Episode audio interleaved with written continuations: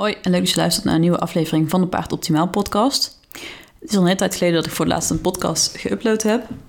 Voor deze tweede aflevering wilde ik het gaan hebben over waar het paard vandaan komt. Dus hoe paarden in het wild leven en ook ehm, hoe paarden geëvolueerd zijn naar het paard dat wij vandaag de dag kennen. En ik ga het ook hebben over primal types.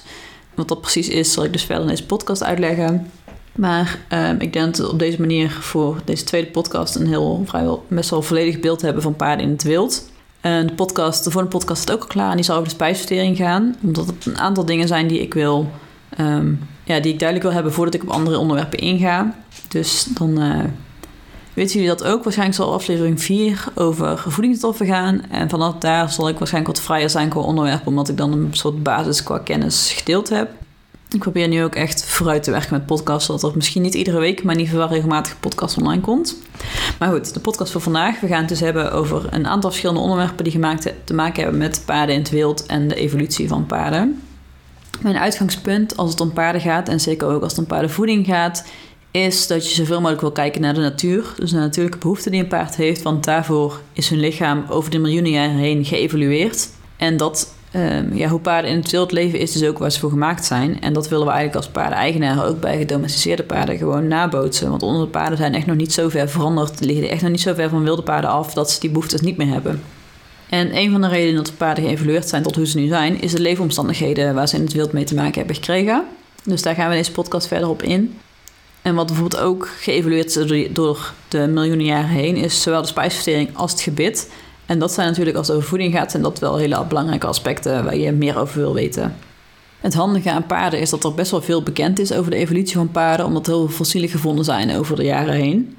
Nou ja, volgens het principe van survival of the fittest, dus niet de fitste paarden, maar niet eens per se paarden, maar dieren, dus niet de fitste dieren, maar de dieren die zich het best hebben aangepast op hun omgeving.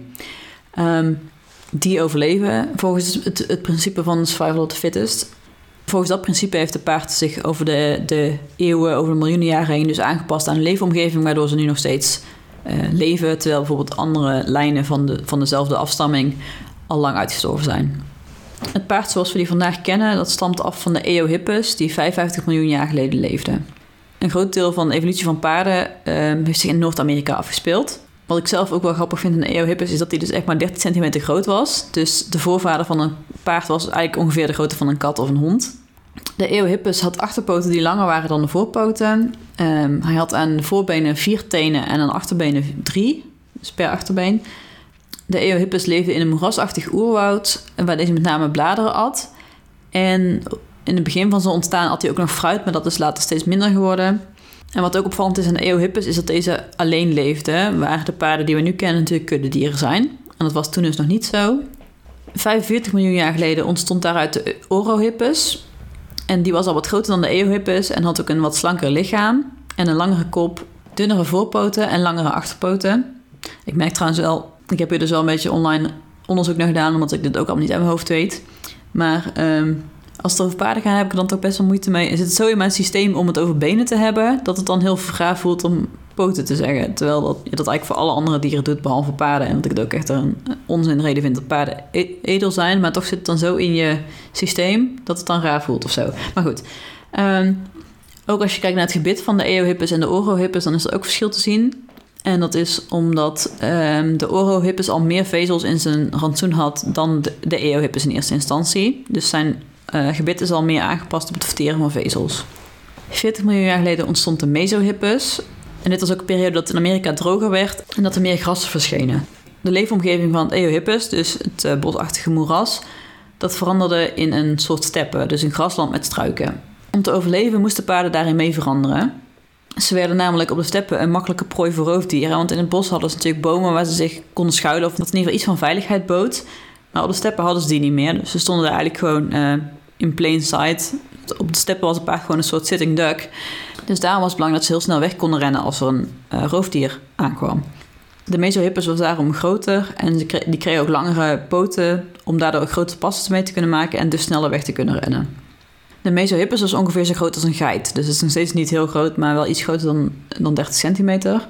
Daarnaast werden ook de kiezen werden harder, omdat ze dus harder materiaal moesten gaan kauwen, dus die, die grassen, die vezelrijke grassen. En waar de voorgangers een relatief bolle rug hadden, was de rug van de Mesohippus al een stuk rechter. De hals en het hoofd waren langer geworden. Hij had nog maar drie tenen aan alle voeten in plaats van vier tenen aan de voorvoeten. En hierbij droeg de middelste teen het meeste gewicht. Deze middelste teen zal dus uiteindelijk gaan uitgroeien naar de hoef zoals we die nu kennen. 28 miljoen jaar geleden ontstond de Miohippus. Deze was nog wat groter dan de Mesohippus en had ook een langer hoofd. Vanuit de Miohippus ontstonden drie verschillende lijnen. De drietenige bos, bosbewonende browsers, de kleine pygmeepaarden en de grasetende paarden die op de steppen leefden en uit zouden groeien tot de ecu's zoals we die uiteindelijk kennen. De andere lijnen zijn dus allebei uitgestorven, dus alleen de grasetende paarden. Dus alleen de grasetende paarden op de steppen zijn verder ontwikkeld. Deze graseters werden ook steeds groter en hun gebit paste zich steeds verder aan naar het verteren van uh, die vezelrijke grassen. De kiezen kregen daarbij een cementlaag zodat ze wat harder werden. Er ontstonden ook riggels op de kiezen waarmee vezels beter vermalen konden worden. Ook groeiden hun tenen dus aan elkaar, waarbij ze alleen nog maar de middelste teen gingen gebruiken. De Merihippus leefde 10 miljoen jaar geleden en leek al op, redelijk op een paard zoals we dat nu kennen.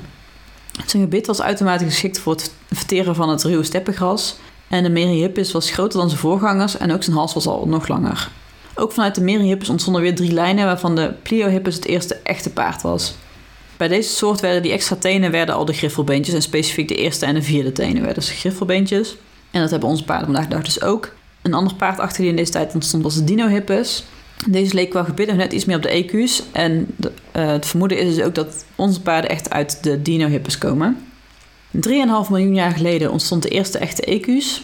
Het was een soort zebra met het hoofd van een ezel. Dus die had ook nog een staart zoals je die bij een zebra ziet. Dus niet een staart die helemaal uit haren bestaat, maar meer die nog uit uh, wervels bestaat en dan met een pluimpje eraan. En uh, deze ecu's heeft zich snel over de oude wereld verspreid. De oude wereld is wat uh, nu Europa, Azië en Afrika is.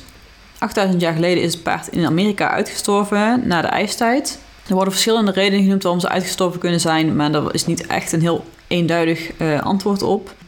Maar de paarden in de oude wereld, dus in Europa, Azië en Afrika, zijn deze tijd niet uitgestorven. Dus daardoor is het paard wel um, ja, blijven bestaan.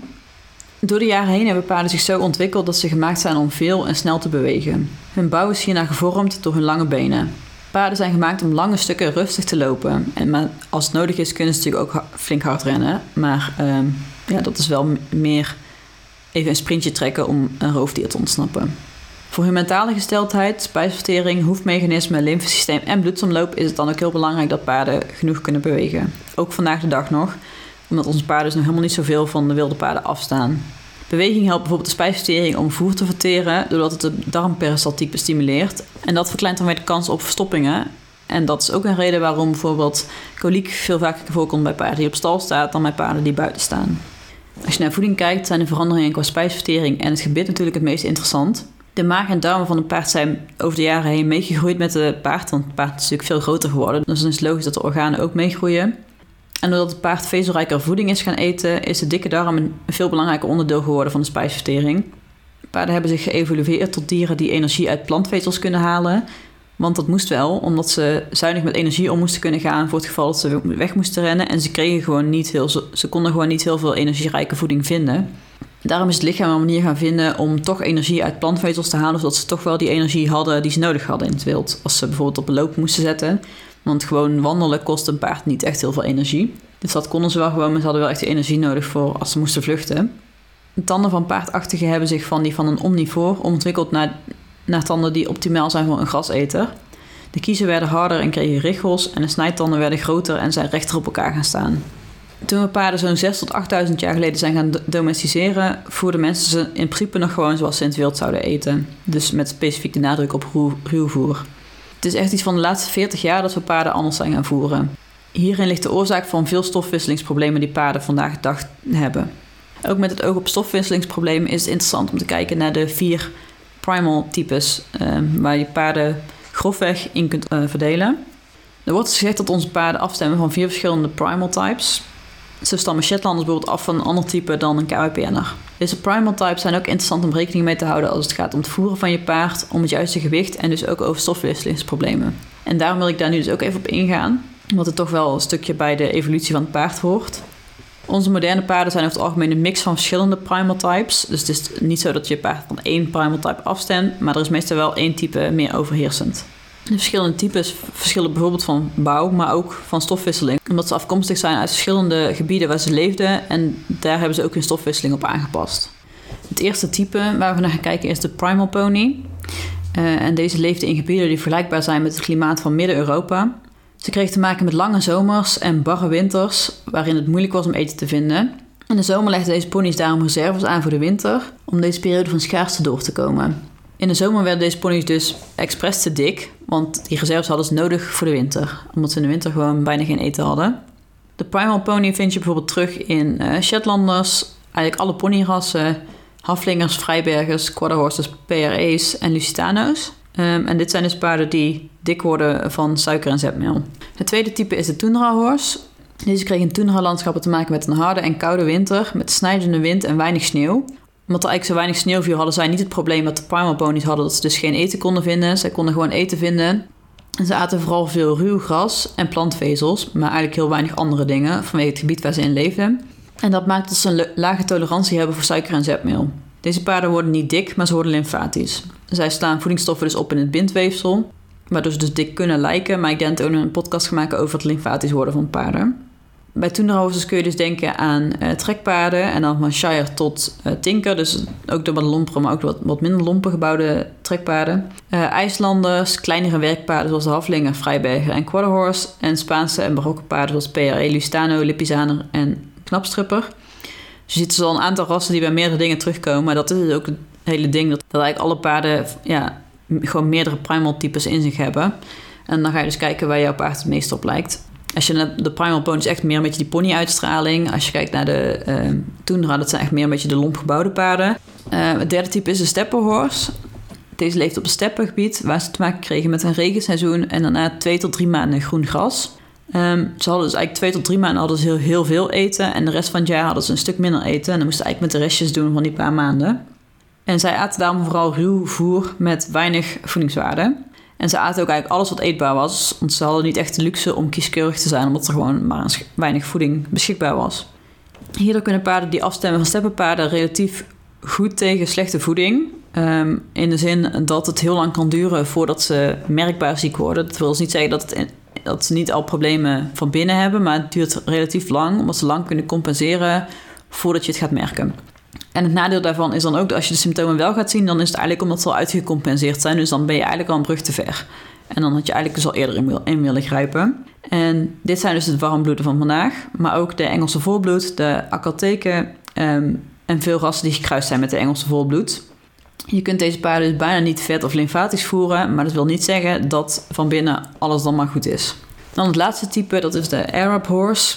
En deze leefde in de steppen, savannen en woestijnachtige gebieden, waar het dus nog droger was dan op de steppen. Hier regende het soms jaren niet, waardoor soms lange periodes zonder eten waren. Arab horses aten dan ook alleen ruwe vetplanten en struiken, omdat het enige was wat er, wat er beschikbaar was voor ze.